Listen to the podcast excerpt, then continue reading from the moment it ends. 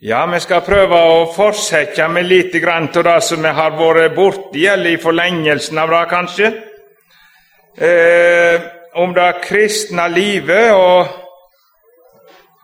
og det å bære frukt for Gud og ikke lenger leve i synda. Det har blitt sånn at jeg skal prøve å lese noen to vers i Romabrevet kapittel 12. Eh, noen vers jeg for min egen del ofte har vært tilbake til. Eh, Romabrevet 12, da skal vi lese. Jeg kunne nesten bare lest det første verset, men jeg tror jeg vil prøve å lese de to versene. Men før vi leser, så vil vi prøve å be. Kjære Herre Jesus, vi takker deg for at du ikke er tunghørt når vi roper til deg. Og nå ber vi om din gode Hellige Ånd. Godt å tenke, tale, gjøre, dertil må din ånd oss føre. Så det kunne være sant at vi tjente deg i heiligdom og rettferd uten frykt alle våre livsdager og sida i evighet. Herre Jesus, vi legger stunda i dine hender og ber om å få være i din sjelesorg. Amen.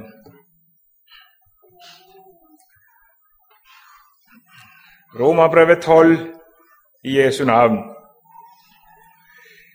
Jeg formaner dykk altså, brør, ved Guds miskunn, at det byr fram lekamene dykkar som et levende og heilagt offer til Guds hugnad. Dette er dykkar åndelige gudstjeneste. Og skikker dykk ikke likt med denne verda, men la dykk omskapa ved at hugen dykkar vert opp nya, så det kan dømme om hva som er Guds vilje, det gode, det som Han har hugna i, det fullkomne. Amen. Hvis vi hadde begynt å stilt et spørsmål Hvorfor ville Jesus frelse oss? Hvorfor frelste han oss? Så kan det sikkert gi oss mange gode svar. Han gjorde det fordi han var så god. Ja, det gjorde han. Uten at vi hadde fortjent noen ting. Og han gjorde det for at han ville se oss evig salige hos seg hjemme hos Gud. Kan du være sikker på. Det står om Jesus at han for den gleda som venta, lei på korset med tål. Og da tror jeg det som særlig rørte seg i vår Frelser sitt hjerte, det var den dagen han skulle stå framfor Faderen med alle sine og så si Sjå, her er jeg og de som du har gitt meg. Nå har jeg ført de fram. Her står de, hellige og reine. Her er de.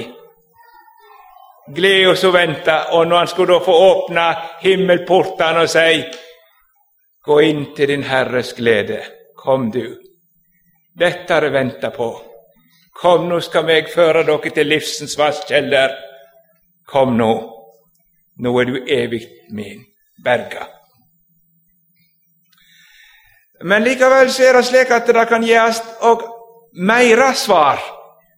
Og når Luther i sin trosforklaring eh, går inn på dette, der, så skriver han at, eh, om Jesus at han er min Herre, Gud og menneske, som har gjenløst meg, fortapte og fordømte menneske, kjøpt meg fri og frelst meg fra alle mine synder, fra døden og forgjevelse i makt, ikke med sølv eller gull, men med sitt eget dyre blod og dens uskyldige lidelse og død. Og så sier han dette har han gjort for at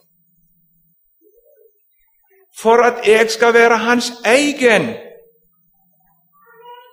Leve under Han, i Hans rike, og tjene Han i evig rettferdighet. Uskyldighet og salighet, står det på bokmål skuldløse og sela. liksom han har stått opp fra de døde og lever og råder i all evighet. Dette har han gjort for at jeg skal være hans, tjene han i evig rettferdighet, skuldløse og sela. Nå Sakarias fikk i en talens bruk og ble fylt med Den hellige ånd når Johannes var født, og Jesus var på vei til å bli født i jord, så sier han bl.a. at Gud ville fri oss ord fra våre fienders hånd, og så vil Han gi oss og tjene Han uten frykt alle våre livsdager. Og Derfor er det òg sant å svare på det spørsmålet. Han har frelst deg for at du skal fortjene Gud, ikke synda. Og da uten frykt alle dine livsdager, og sier jo i evighet, for det står om de frelste i himmelen. De tjener Gud dag og natt i Hans tempel. Ja. Han ville gi oss å tjene Gud uten frykt. Det ville han. Og Nå er det slik at han har forkynt evangeliet, og så begynner det som kalles den formanende delen. Og så formaner apostelen de troende til å vandre hellig, et Gud innvikt liv i denne verden. Men det er eh, en del tenker at det må være veldig lett å formane Guds folk. Men det er kommet til, er veldig vanskelig. For det første så kan det være vanskelig allerede av den grunn at en har mer enn nok med å formane seg sjøl. Det kunne jo være noe å snakke om. Men det er vanskelig av den grunn at det er så veldig fort å ødelegge barnekårets ånd, så de blir trella, og trellesinnet kommer inn igjen, og så mister de den frie ånd som tjener Gud av hjertet, og så blir det trelldom. Da blir det den dårlige samvittighetsgudstjeneste, og den er ikke til Guds hugne.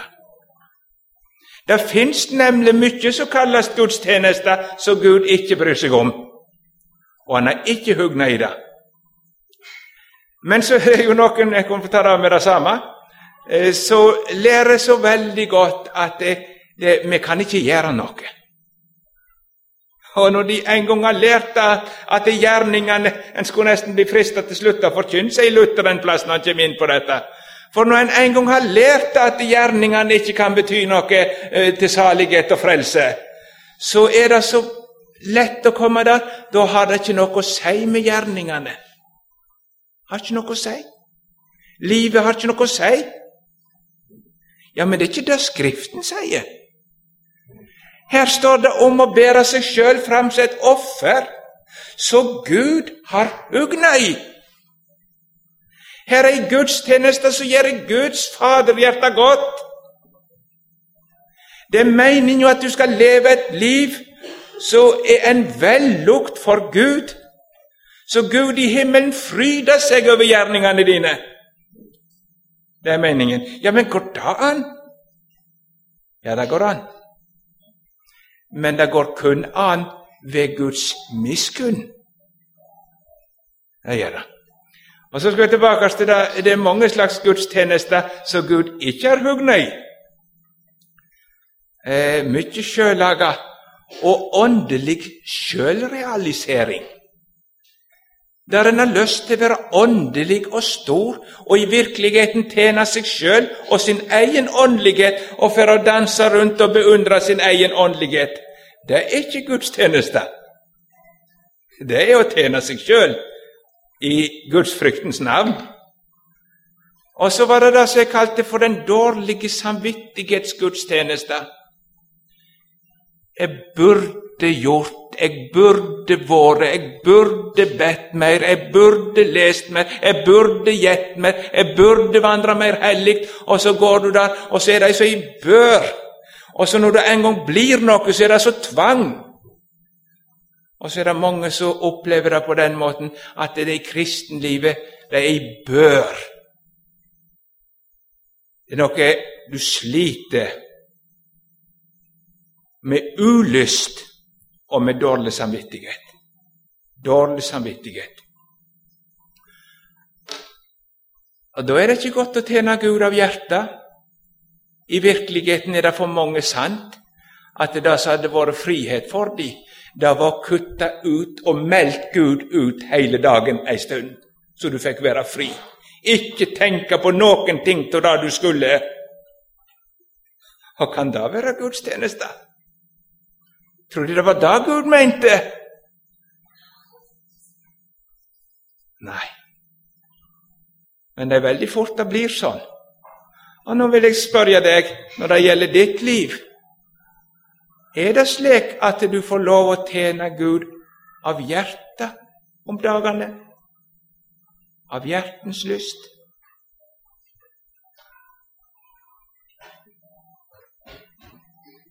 Uten frykt?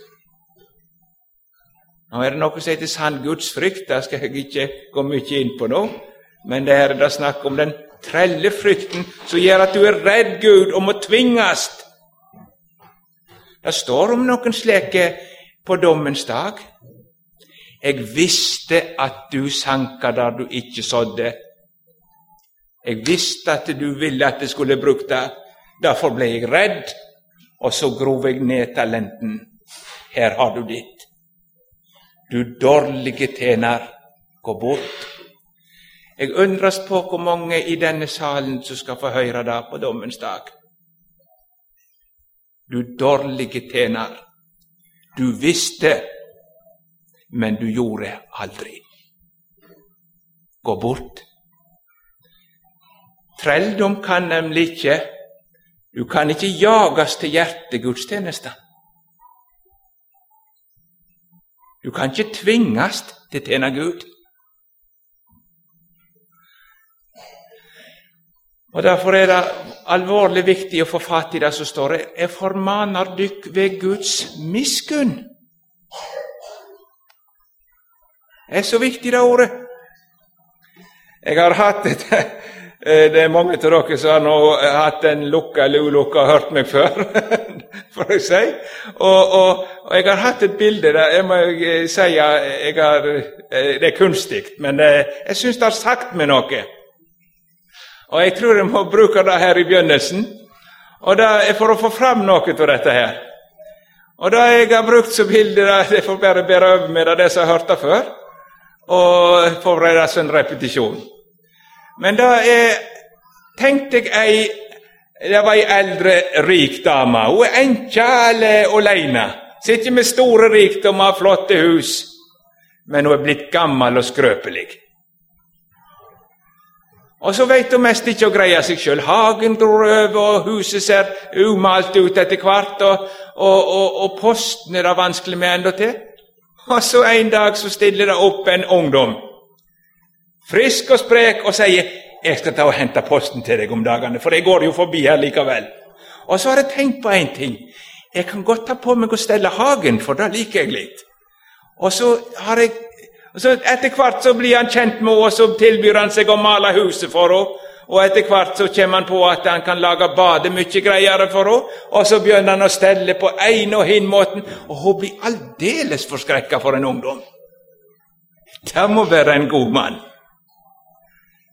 Og han ordner for henne og steller for henne og sier ikke et ord om at han vil ha noen ting. Og hun blir så begeistra. Det var noe til kar. Ja, var ikke det gode gjerninger, så veit ikke jeg, hæ? Ja, tenk å hjelpe denne gamle enkja.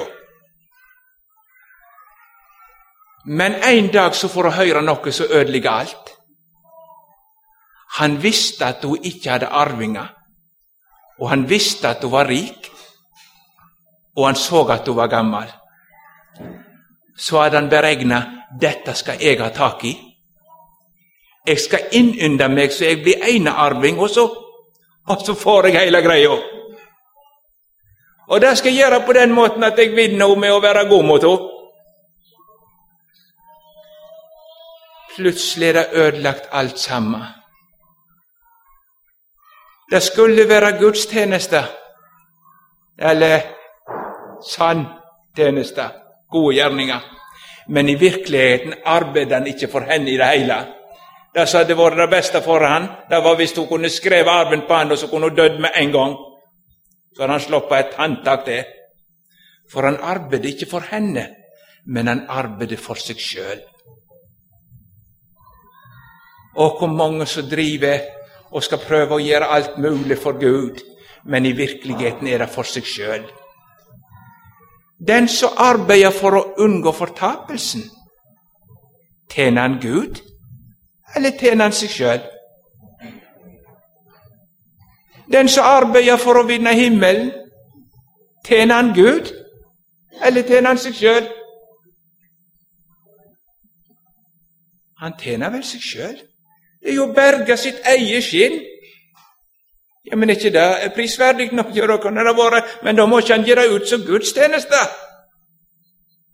Det er ikke Gud han arbeider for i virkeligheten, men det er for seg sjøl.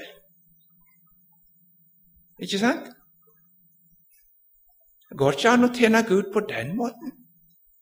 For Du vil berge deg sjøl, du vil være åndelig sjøl, du vil unngå straff, du vil eh, arve himmelen. Ja, ja, signe deg, men du må ikke gi deg ut som gudstjeneste.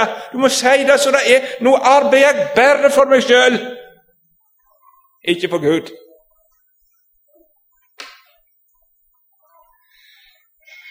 Jeg har, For å få det i, klarhet det må, det må høre jo at det er kunstig, det er bare maler, og det er like godt å lage bilder sjøl, så får du det som du vil, om de er noe litt løgne.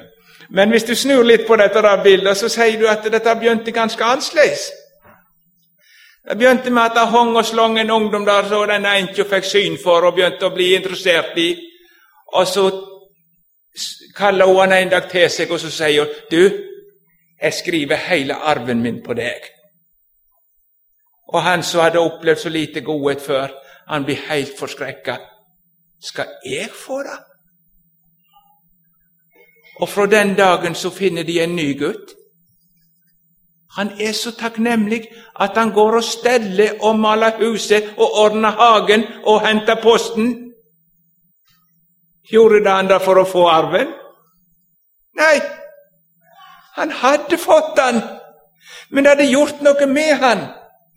Så nå hadde han hjertens lyst i å tjene denne gode dama.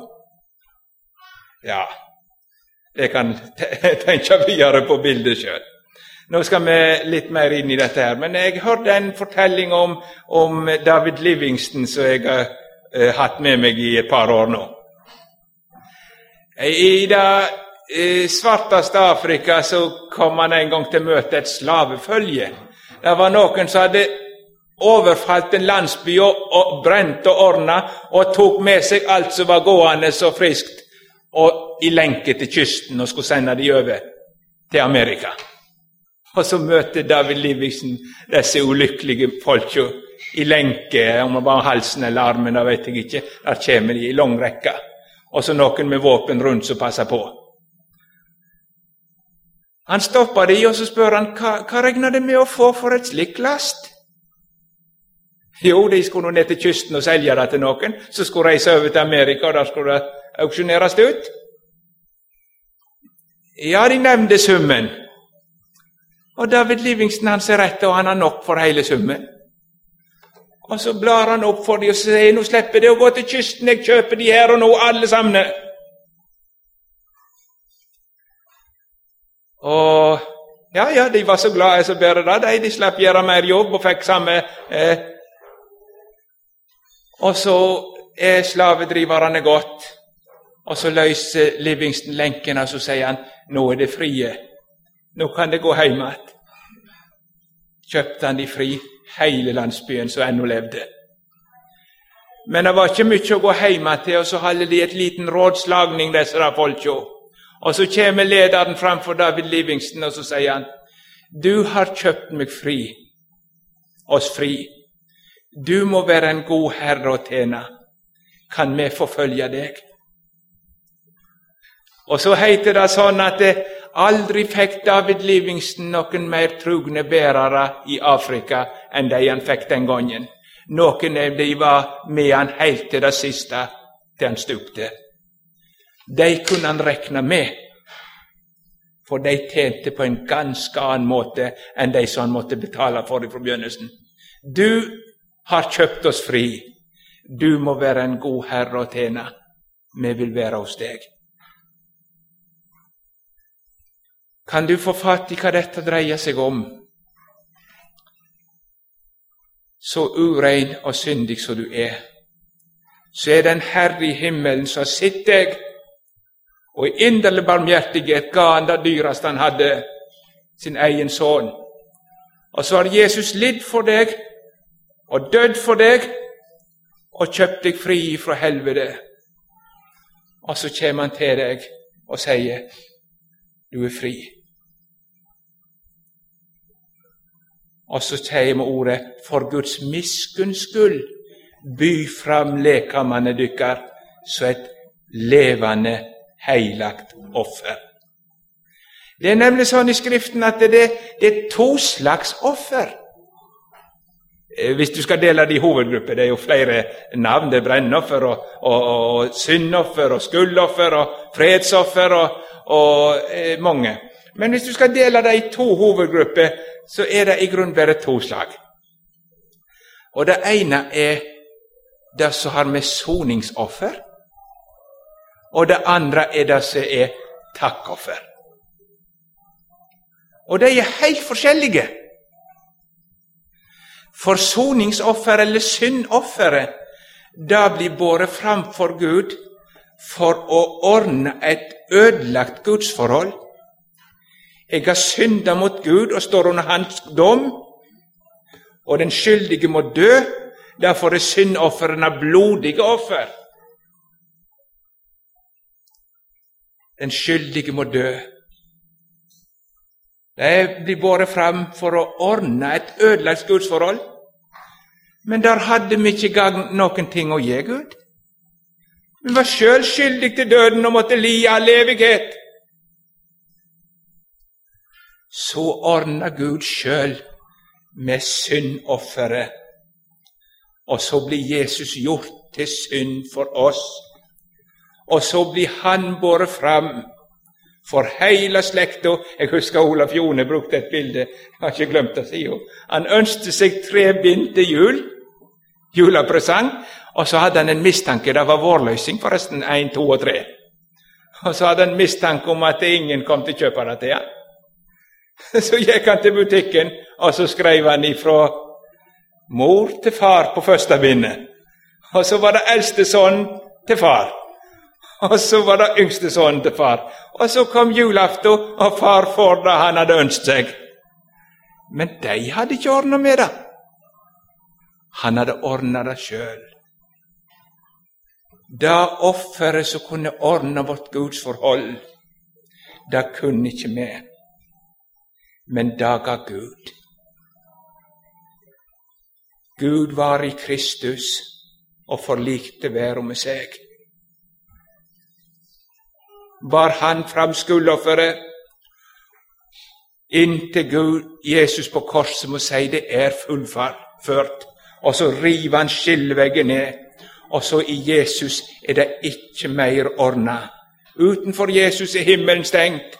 I Jesus er han åpen. Der kan du komme som om ingen synd er gjort. Der kan du si rein og rettferdig, himmelen verdig, er jeg i verdens frelserad nå.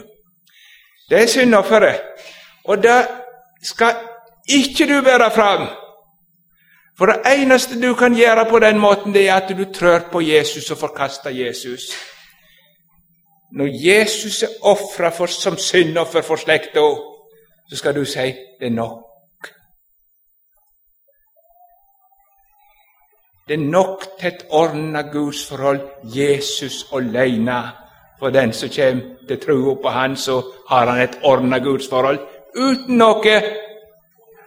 Men så er det den andre typen offer. Det er offer som blir båret fram fordi det er ordna. Og det er det det står om her. Takk, offer. Fordi gudsforholdet er ordna, jeg har kommet i rett forhold til Gud, så skal jeg få ofre. Ikke for å få noe, ikke for å betale noe.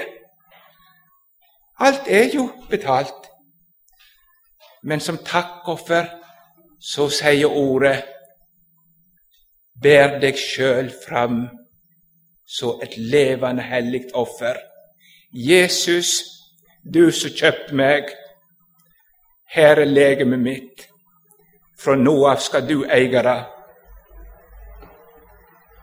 Og så skal det heite over ditt liv helga til Herren. Kroppen din tilhører ikke deg lenger, men den tilhører Jesus. Munnen din den skal ikke mer si noe ting annet enn det som heter Jesus sin vilje. Gi han vekk.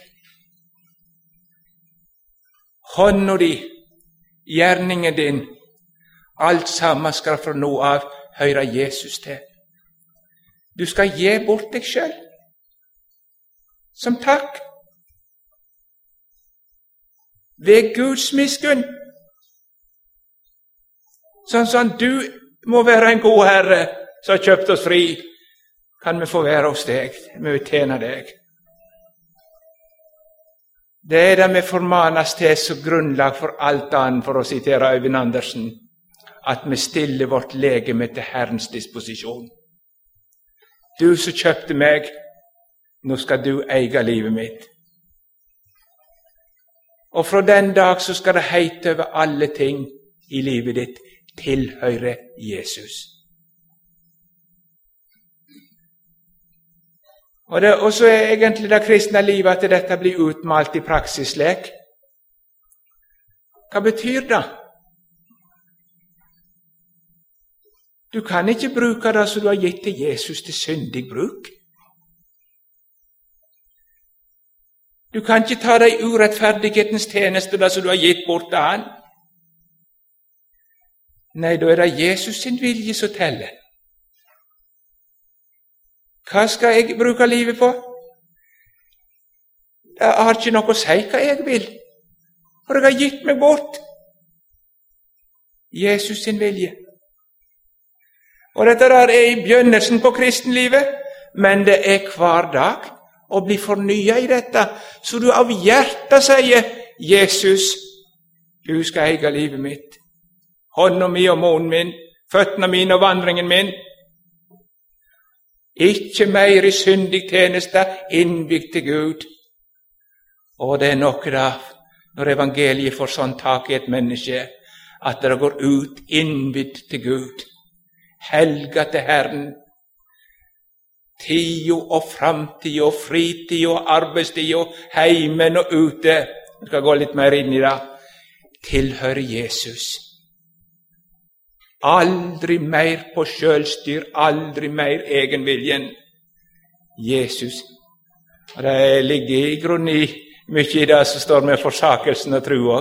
Jeg forsaka djevelen og alle hans gjerninger og alt hans vesen. Farvel, du leik ut i synd og natt, du skal aldri få se meg att. Nå er det Jesus som skal eie livet mitt. Betyr ikke noe annet i livet enn hva han vil. Er munnen din innvidd til Gud? Hva har du brukt munnen til i det siste? Er det gudstjeneste? Du bruker den ikke til å såre dine medmennesker. Du bruker den ikke til fjas og vanhellig skjemt. Du bruker den ikke til krangel og skjedning, bitre og sure ord. Innvidd til Jesus. Du skal eie munnen min, Jesus. Du har kjøpt meg med ditt blod. Hvordan bruker dere munnen deres? Hva taler du? Og I den sammenhengen så kan det være viktig nok å minne om at hvis det ikke var fordi Gud ville at du skulle bli til andres frelse og hjelp, så hadde Han henta deg fra det øyeblikket du ble gjenfødt. Du kan være sikker på det. Han ville så gjerne at du skulle med dine vandring og ord være med på denne redningen, han, så han kunne få se frukt av sitt fullbrakte verk. Det ville han. Og sånn må du tenke om, om, om alt. Din vandring i heimen, din omgang med dine medmennesker, hva du bruker tida på. Og dette er veldig vanskelig å snakke om, for det er blitt så naturlig og alminnelig at livet mitt er for å komme seg opp og fram og få det bedre og dyrke seg sjøl og, og, leve rundt seg sjøl, tenke på seg sjøl, seg sjøl i sentrum, alt sammen. Det går helt til seg sjøl. Det er ikke bare unge folk som tenker sånn. Eldre folk om å gjøre å komme seg til pensjon, så vi slipper alt ansvar, så vi får leve sånn som vi vil. Ja, men hvordan? Min vilje teller ikke mer. Har du ofra deg sjøl, så må du være klar over det har ikke noe å si hva du vil. Det er Jesus sin vilje hva vil du med mitt liv? Og er du først helga til Herren sjøl, så er alle dine eiendommer helga til Han. Det er noen som sier det siste som blir kristne, er pengebok. Jeg vet ikke om jeg er enig i det, men, men det kan være hardt nok at Gud får kristne pengeboka. Så alt i gudstjeneste, heimen Vi har jo så fine heimer, mange med hus og greier. Ja, men kan han stå helga til Herren. Herren er herre i dette hus. Her i dette huset skal det tales altså til Hans behag. Her skal ikke synda få makt og råd. Jesus er Herre. Ja. Og dette, ja, men Skal vi tenke sånn? De forteller etter Brandtzæg forresten at han, han skulle kjøpe nye sko. Og da bødde han kne. Nye sko. Og Brandtzæg var rik. Og så takka han Gud for de dagene han hadde fått gått i de gamle skoene. Og så ba han om nåde til følge han i de nye skoene. Så han gikk hans veier.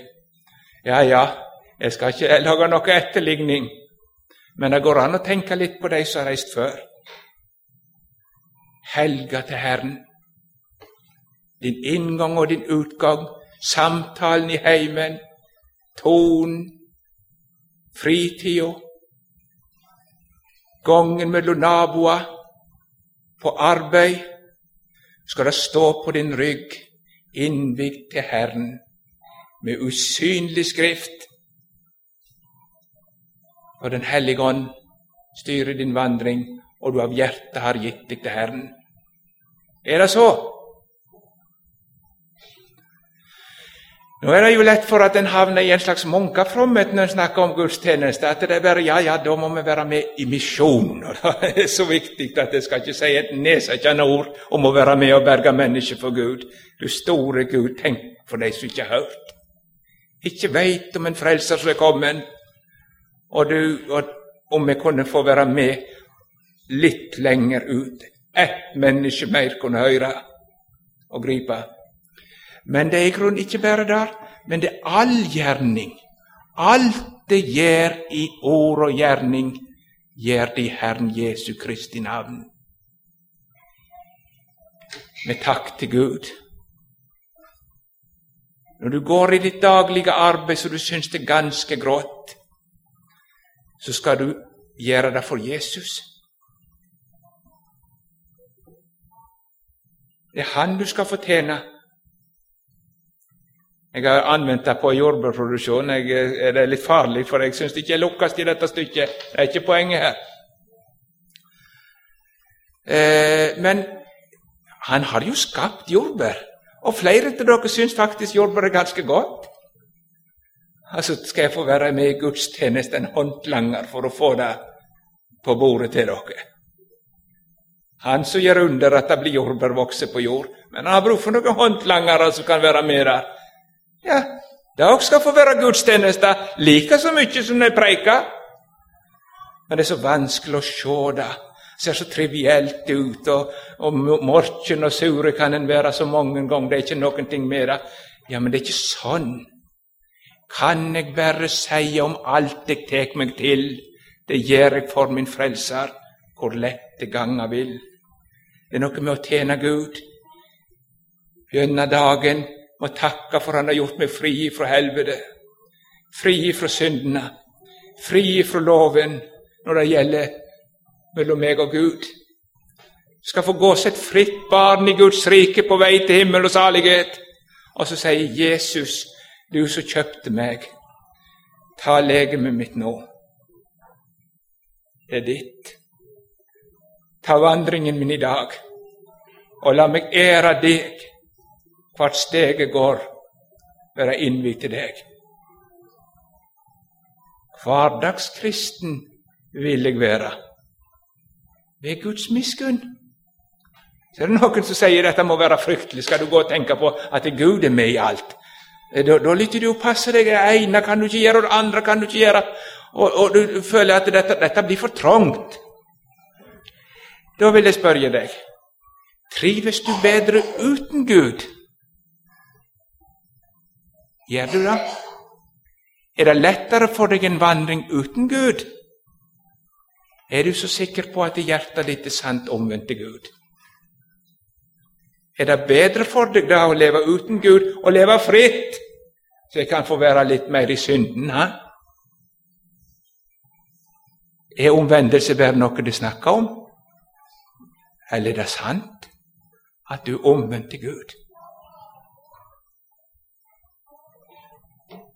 For dette kan du ikke tvinges til, ser du, men det må være hjertesaken. Hjertet må si ja og amen. Men hva kan vel få hjertet til å si ja og amen? Et syndig menneske. Ja, ja, når jeg har snakket om de to naturene, så snakker jeg nå ikke om kjødet nå, da. Men likevel det er Guds miskunn. Det er Guds miskunn. Det er forunderlig når du får ei stund å se på dette som skjedde på Golgata.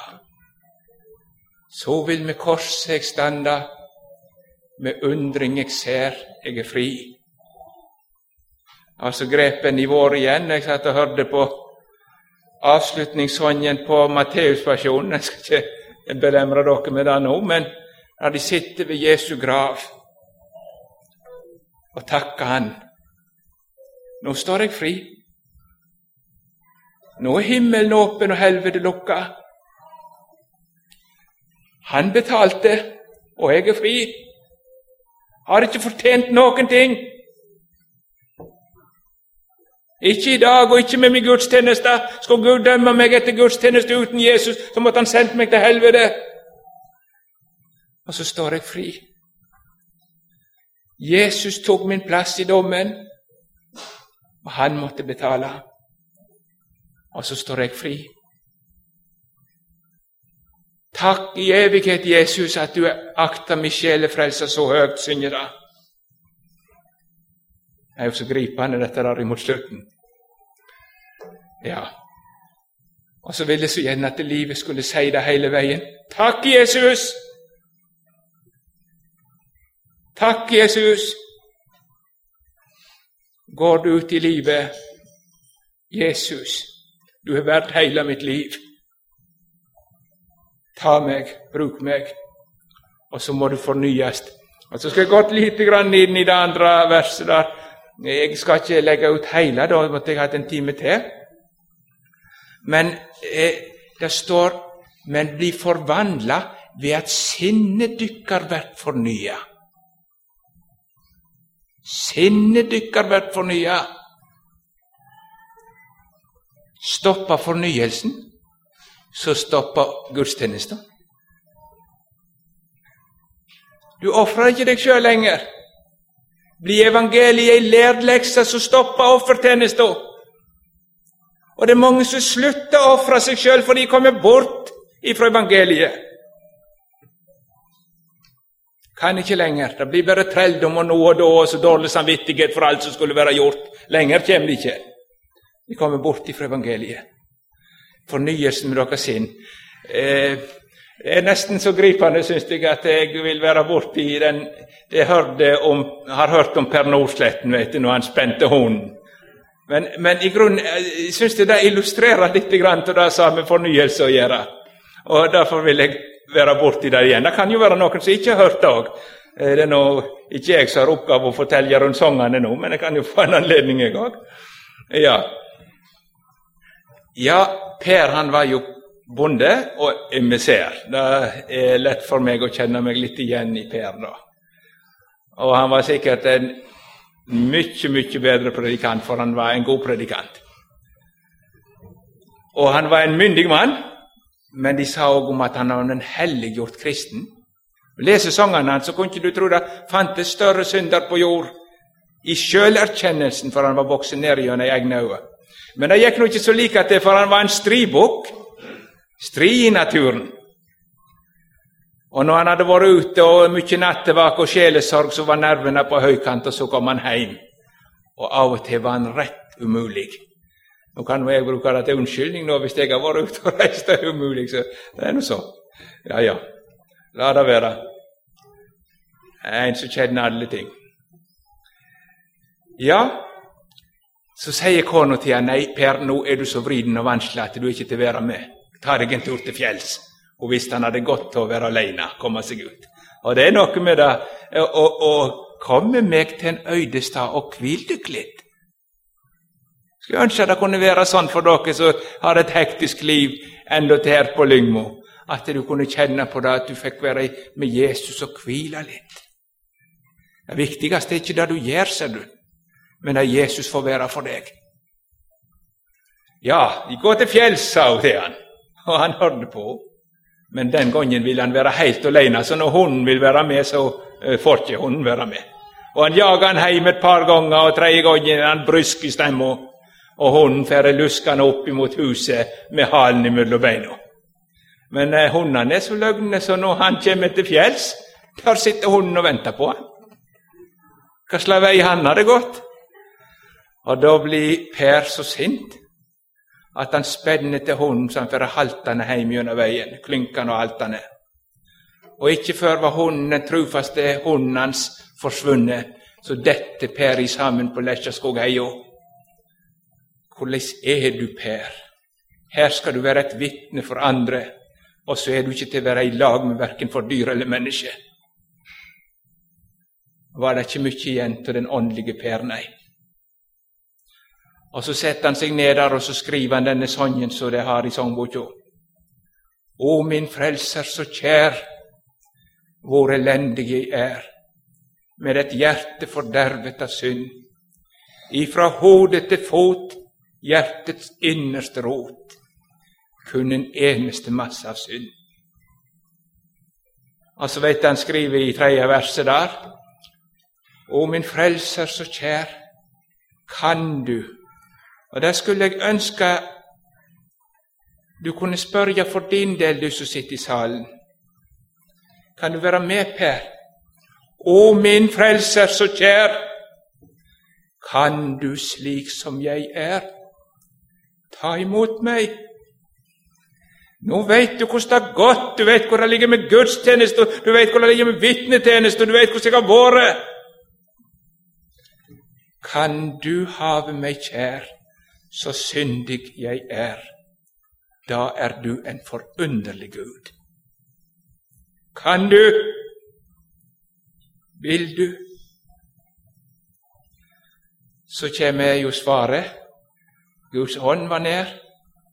Ja, ditt ord sier så, at jeg nåde skal få, at min synd ihukomme seg mer Ditt velsignede blod giver meg sådant mot at jeg tror at min brudgom du er.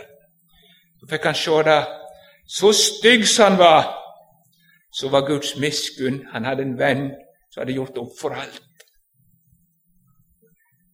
Utsletta og strøket alt. Og så er jeg da din, og du virkelig min, jord og himmel er vitner derpå. For på Golgata kors pakten sluttet med oss, og for evig så skal den bestå. Så er jeg din, Jesus. Du har fridd meg fra mine synder med ditt blod. Og så fikk han stå rein om hunden halta og kona var skuffa. Han hadde en frelser i himmelen som ikke skuffa. Ja, Og så skriver han Å, min kjæreste venn, det er noe igjen som jeg enda må klage for deg. For på jorden jeg er midt blant fienders her, som bestandig forfølge vil meg. Blir du alltid hos meg i min trengsel og strid, gi meg nåde å være på vakt. All den syndige lyst som jeg bærer i mitt bryst, slå den ned med din veldige makt. Å Gud, at jeg aldri synder mer at jeg aldri fell, går egen vei mer. Og så skriver han videre fremfor alt la ditt blod Og det verset jeg er glad i, det må jeg si. Fremfor alt la ditt blod, den rensende flod, være daglig mitt kjæreste sted, hvor jeg senker meg ned.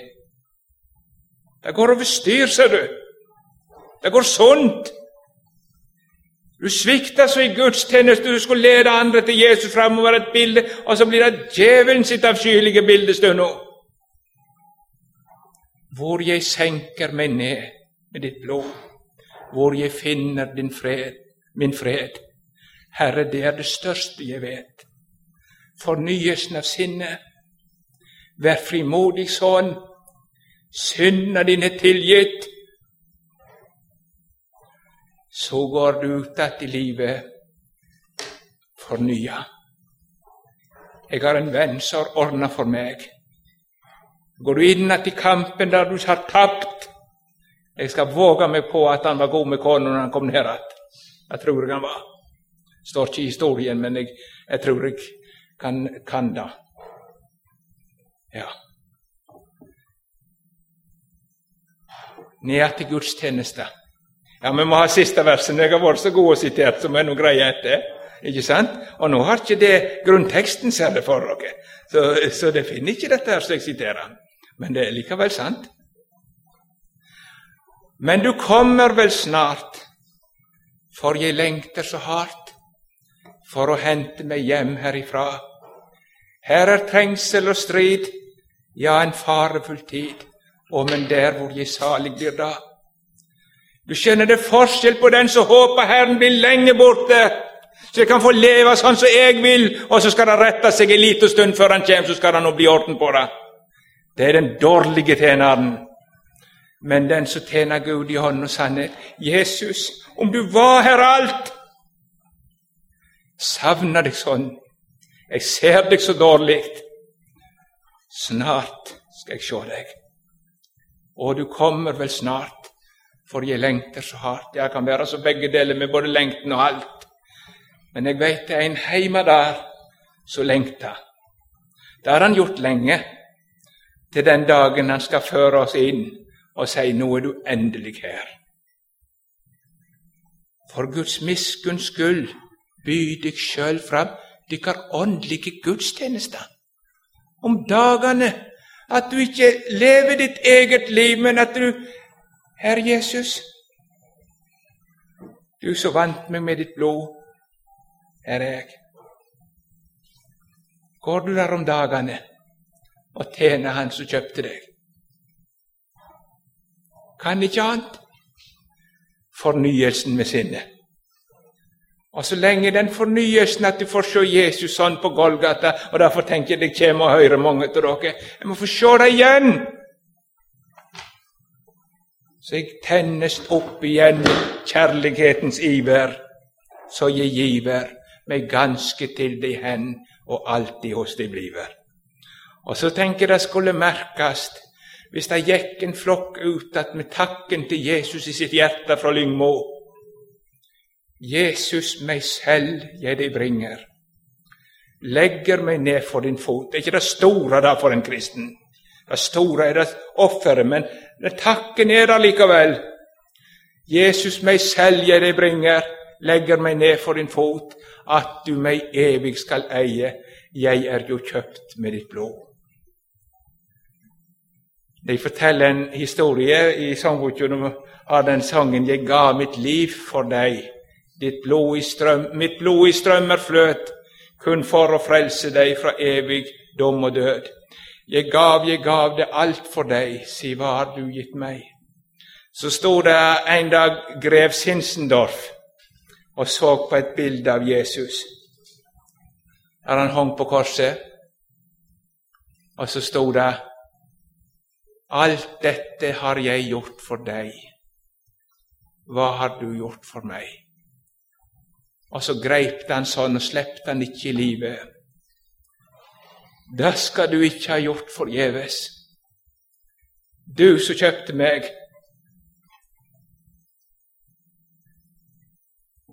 Å, Herre, om du kunne eie meg livet igjennom, hvert et steg heretter, helga til Herren, Jesus som kjøpte meg. Det er dykkar åndelige gudstjenester.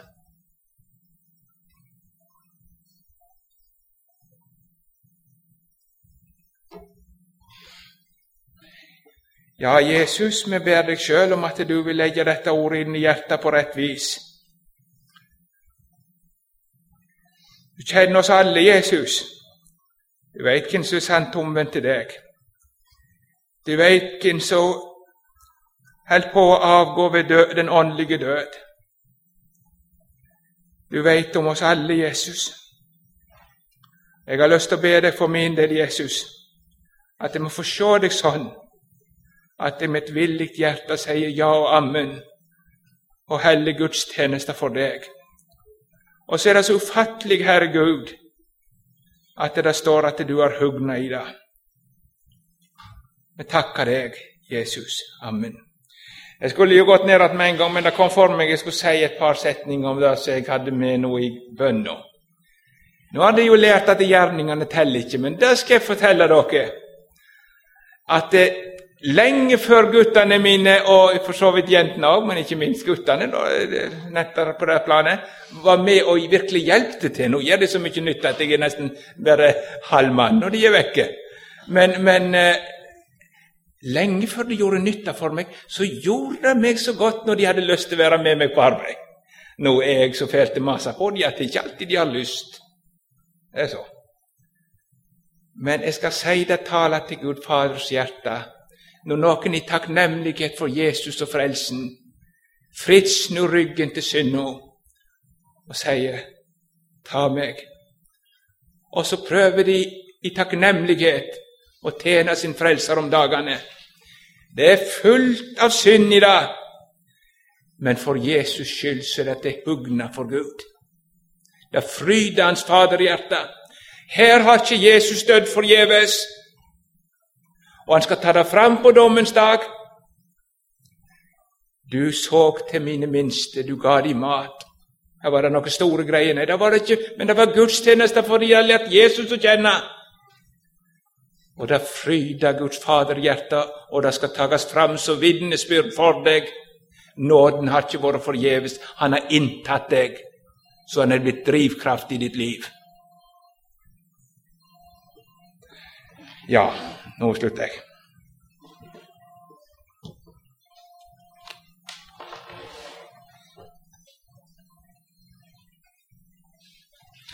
Fem hundre og tolv.